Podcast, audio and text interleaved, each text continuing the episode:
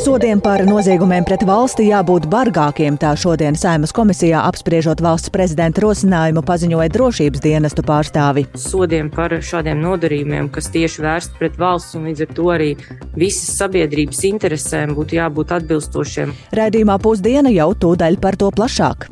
Lauksaimniekiem šis bijis viens no sliktākajiem gadiem pēdējā laikā. Sals, ilgstošs sausums, tad mitrums un krusta graudu ražu samazinājis vietām līdz pat 50%. Uz kādu atbalstu zemnieki var cerēt? Un labdarības maratons dod pieci šogad būs veltīts riskam pakļautiem jauniešiem. Par to visu plašāk jau tūdaļ rēdījumā pusdiena.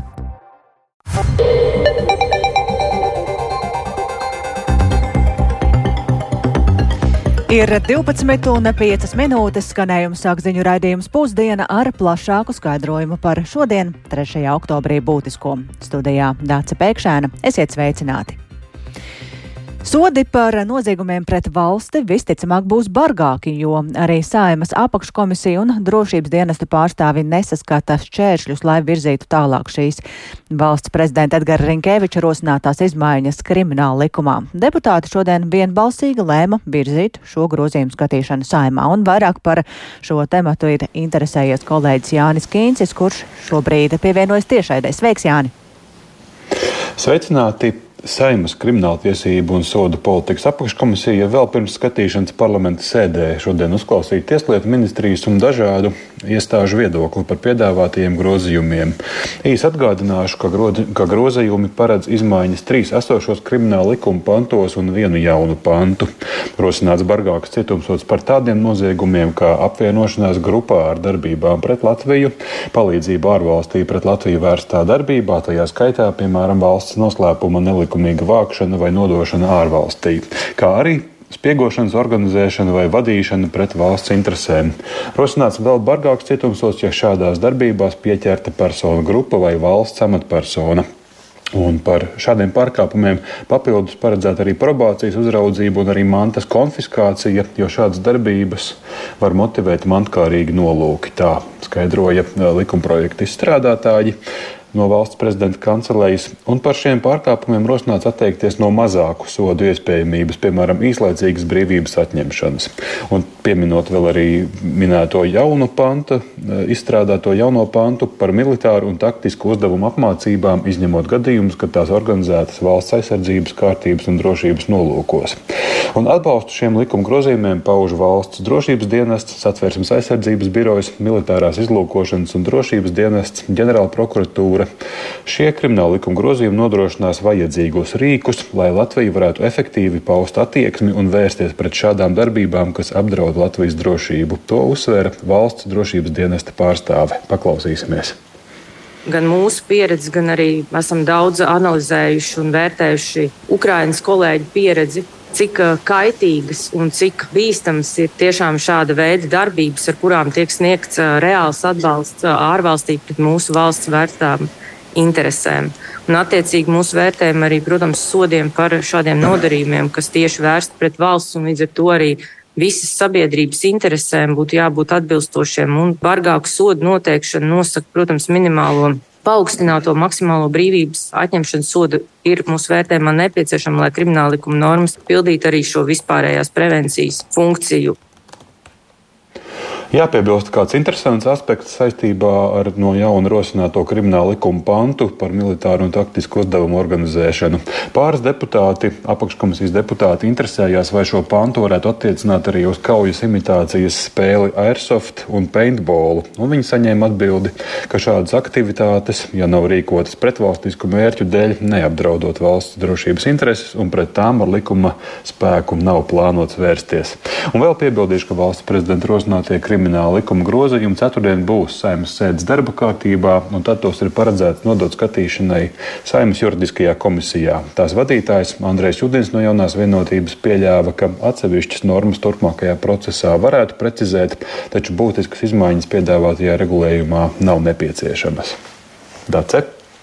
Paldies Jānim Kincim. Tātad valsts prezidenta iniciatīvai bargāk sodīt par noziegumiem pret valsti ir atbalsts ne tikai deputātu vidū, bet arī no drošības dienestu pārstāvjiem, kā tikko dzirdējām. Bet eh, runājot par drošību Latvijā, ir svarīgi runāt arī par kiberdrošību. Un kopš karam Ukrainā sākuma pusotra gada laikā Latvijā esot izdarīts ļoti daudz, lai to uzlabotu, stiprinot notarību pret dažāda veida kiberuzbrukumiem. Taču arī nākotnē ar šādiem uzbrukumiem ir ir jārēķinās. Tā šorīt programmā Labrīt kolēģim Laurim Zvejniekam atzina informācijas tehnoloģiju drošības incidentu novēršanas institūcijas CERTLV vadītāja Baiba Kaškina.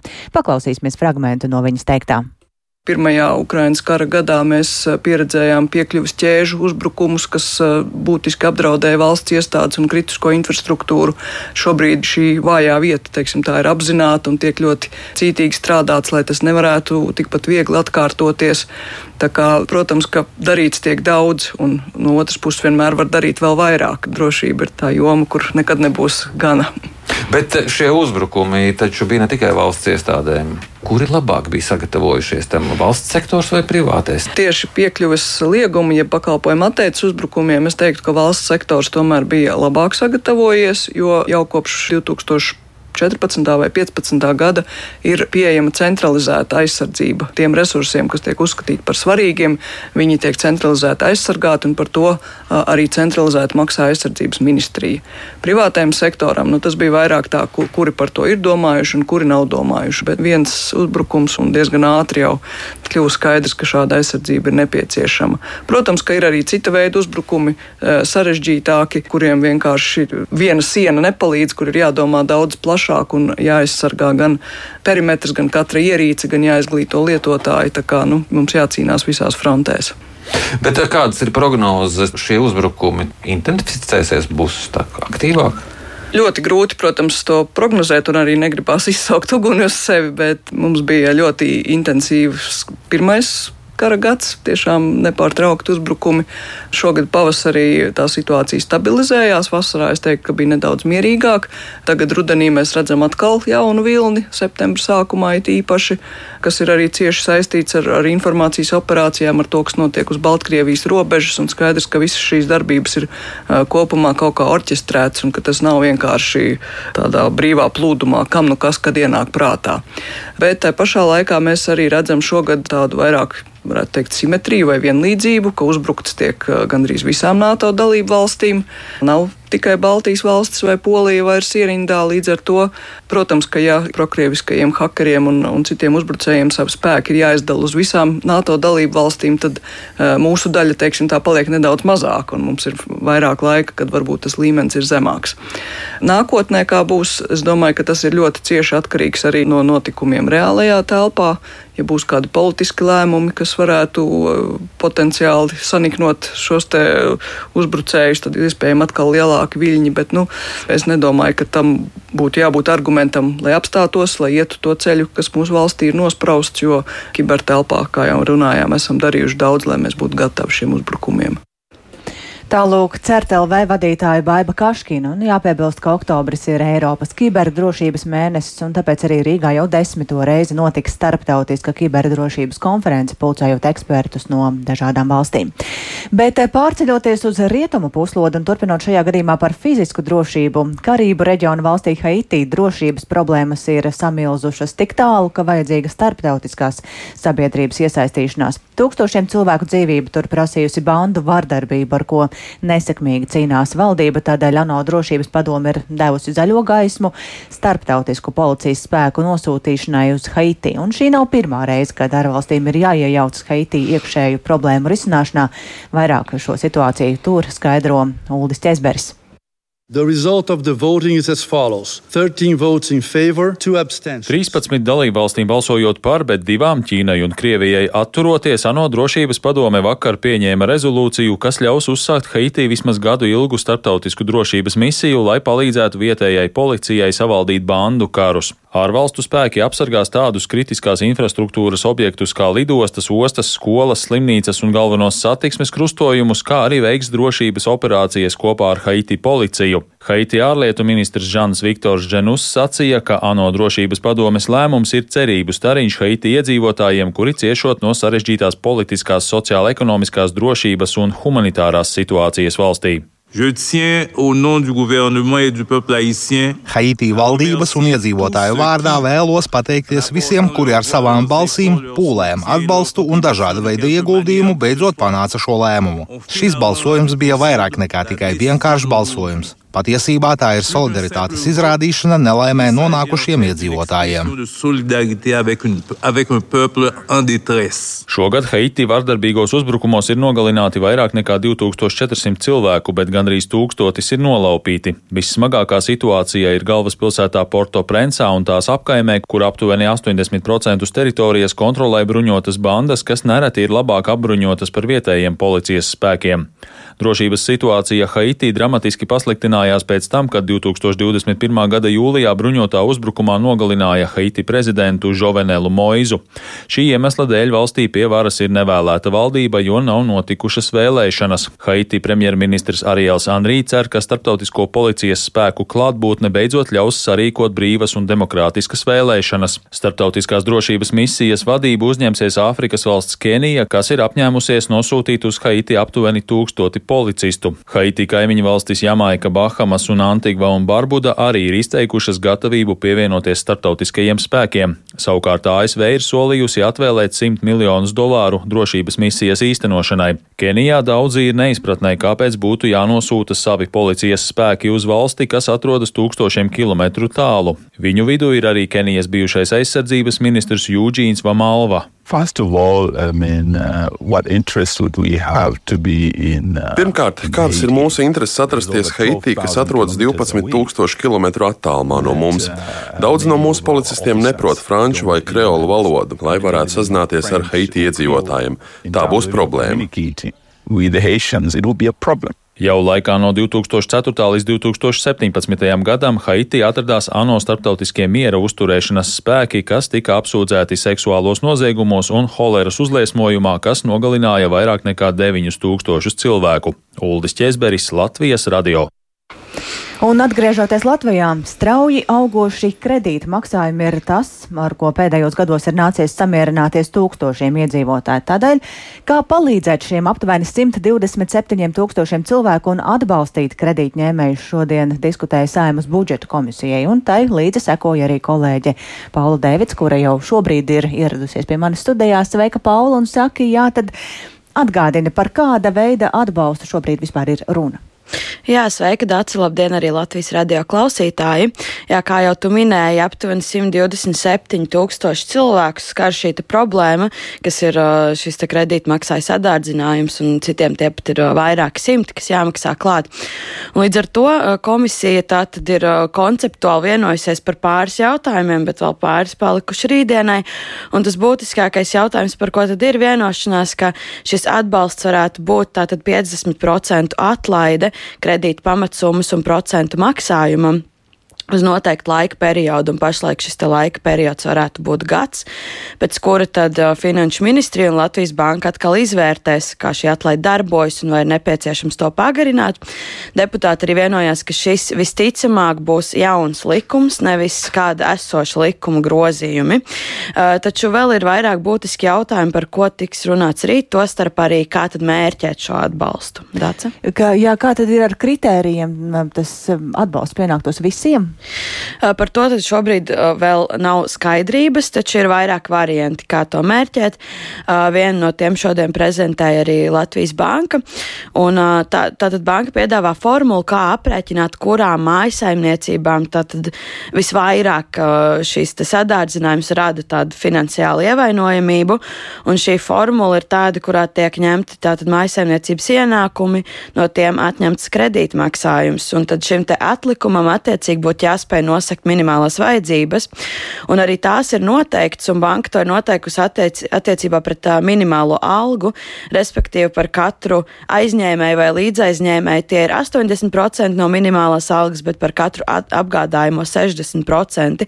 Līdz ar to tad, pēc šīs formulas būtu jāsanāk, ka ir kaut kāda noteikta naudas summa, kas konkrētai, konkrētai maisaimniecībai, kam ir jāpliek pāri pēc kredīta maksājumiem, un ja, tas, ja, ja nav šī summa sasniegta, tad atbalsts pienāks automātiski. Bet, nu, kā, kā arī droši vien jums uh, liekas, šī ir tāda gan sarežģīta mm -hmm. formula, un ir vēl vairāk variantu. Viens no tiem, piemēram, ir skatīt tātad atlikušā kredīta maksājuma summu. Piemēram, noteikti jāvēl tas ir līdz 200 tūkstošiem, kas absolūti iekļauj lielāko vairākumu, tad arī tad automātiski atbalsts tiek saņemts. Un uh, paklausīsimies, kas par šo sakāms komisijas priekšsēdētāju biedram Andrim Šuvājamam no progresīvajiem.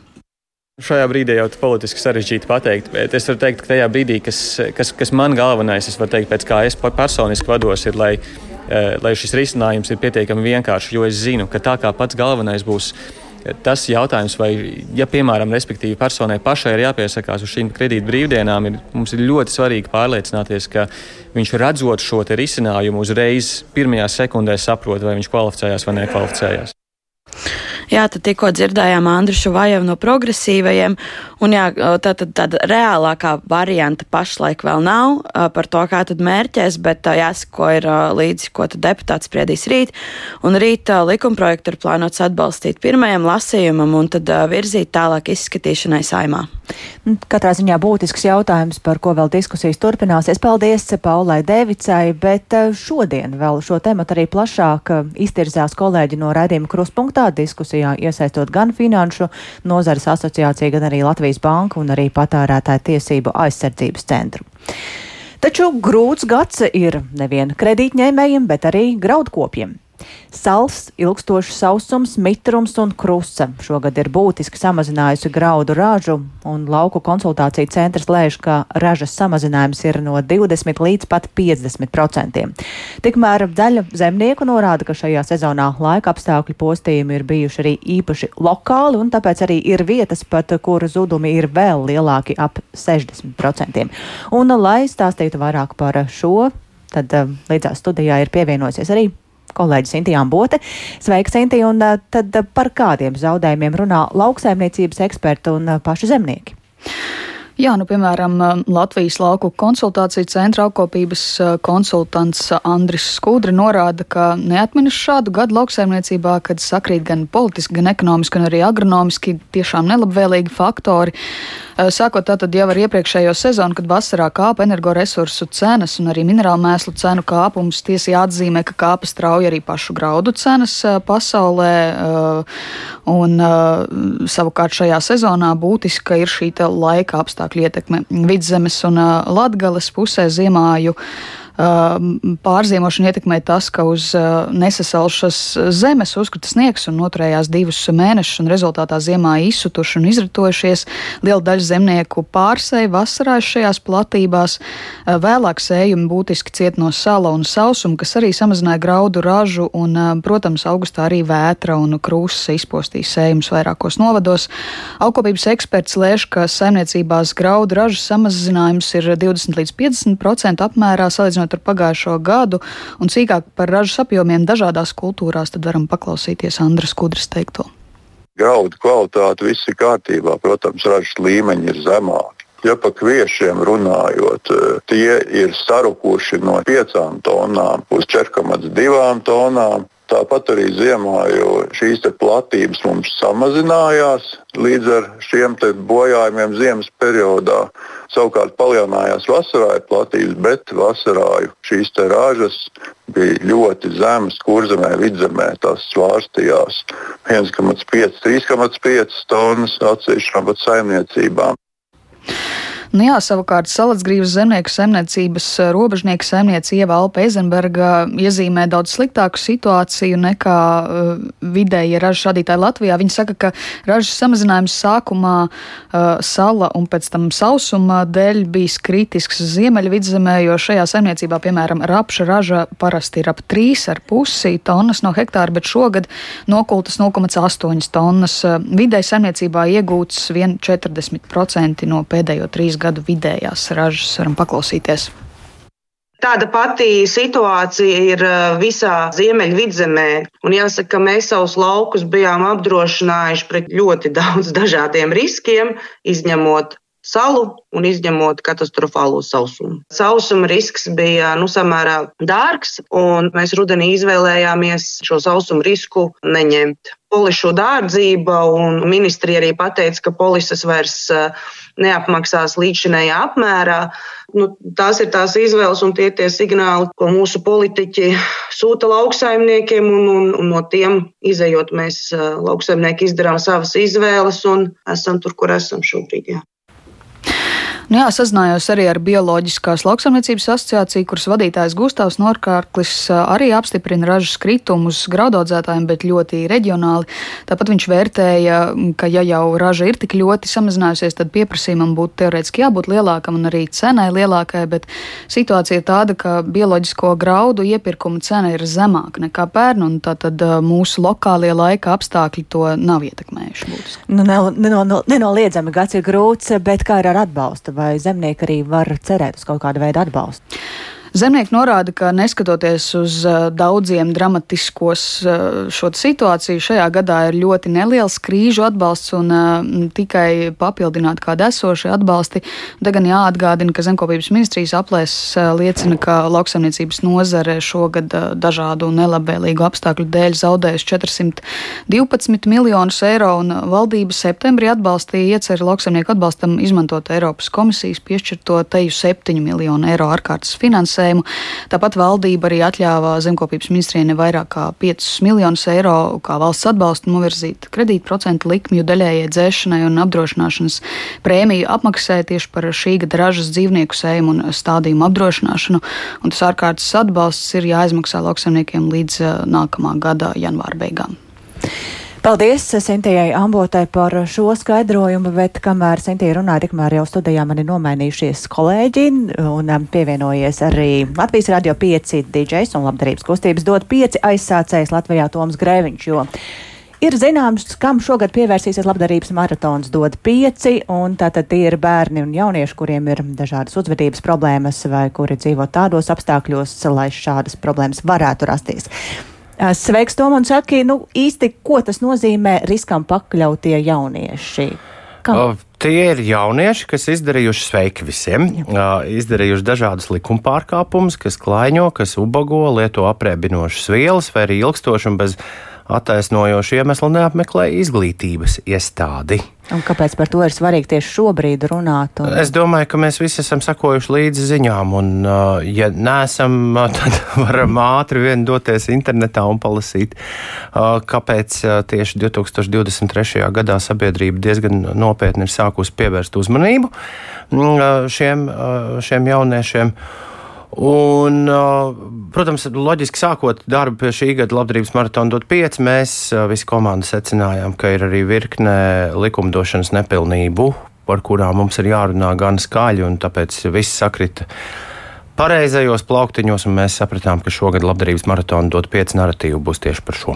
Un ir arī aptuvenas aplēses, cik vispār nu, šādu jauniešu varētu būt. Mēs runājam par desmit, mums ir diezgan precīzas aplēses. Mēs runājam par desmit tūkstošiem bērnu, un tad mēs runājam par 36 tūkstošiem bērnu, kuriem pastāv uzvedības problēmu iestāšanās risks, mhm. kurus vēl mēs varam no pievienošanās šiem desmit tūkstošiem preventīvi pasargāt. Pasar, un, pasargāt un, un nevienmēr tāpēc jau labdarības maratons dot pieci ir ne tikai vienkārši ziedojumu vākšana, bet uh, liels uh, skaidrojošs radio raidījums nedēļas garumā, kā vienmēr šogad pirms Ziemassvētkiem, uh, lai mēs varētu arī saprast visu sabiedrību instrumentus, ar kuriem mēs varam darboties, lai padarītu savu vidi daudz labāku. Par saziedoto naudu, kur tā nonāks? Saziedotā nauda nonāks pie dažādām organizācijām, kas jau šobrīd strādā ar šiem jauniešiem. Un, un, un, un tie, tās vajadzības ir vairākas, visdažādākās, sākot no speciālistu palīdzības, beidzot ar, ar, ar speciālu nodarbību organizēšanu. Tas viss smalki tiek aprakstīts šobrīd visās vietās, kur parādās ziņa par dod pieci. Nu, katrā ziņā jau desmitais dod pieci maratons kā ierasts, būs decembrī, bet naudu var sākt ziedot laikam jau agrāk. Jā, šodien ir, tas, tā, ir, tā ir tradīcija. Mm. Ziedot LV vienmēr, tiklīdz mēs nosaucam tēmu, atver Uh, savu uh, ziedošanas projektu. Tas ir arī Ziedot LV pirmajā lapā šobrīd uh, skaidri un gaiši ieraugams un redzams. Un šodien es arī veicu savu pirmo tādu tradicionālo um, ceremoniālo ziedojumu dot pieci. Tā kā, jā, ja nevar sagaidīt un, un, un, un gribas pierakstīties tajā lielajā, kā es šodien teicu, piektā radio ēterā, tajā lielajā sarakstā, kas būs milzīgs ar visiem ziedoju, ziedotājiem, to var darīt jau tagad. Dziesmu mainīšanu pret tas ir ziedojuma mainīšana pret dziesmām. To gan mēs sāksim tikai un vienīgi 1. decembrī, divas nedēļas pirms paša maratona, kurš šogad notiks no 15. līdz 21. decembrim. Paldies Tomam Grēviņam. Tātad runājām par dod pieci. Šogad tas veltīts riskām pakļautajiem jauniešiem. Un ar to tad arī šobrīd izskan raidījums pusdiena, ko producēja Ilze Agīnta, ierakstus montēja Kaspars Groskops par labskaņu rūpējās un gulbe, un ar jums sarunājās Dāca Pēkšēna. Vēl tikai atgādināšu, ka raidījums pusdiena ir klausāms arī sev vērtā laikā Latvijas radio mobilajā lietotnē meklējot dienas ziņas un arī LSMLV.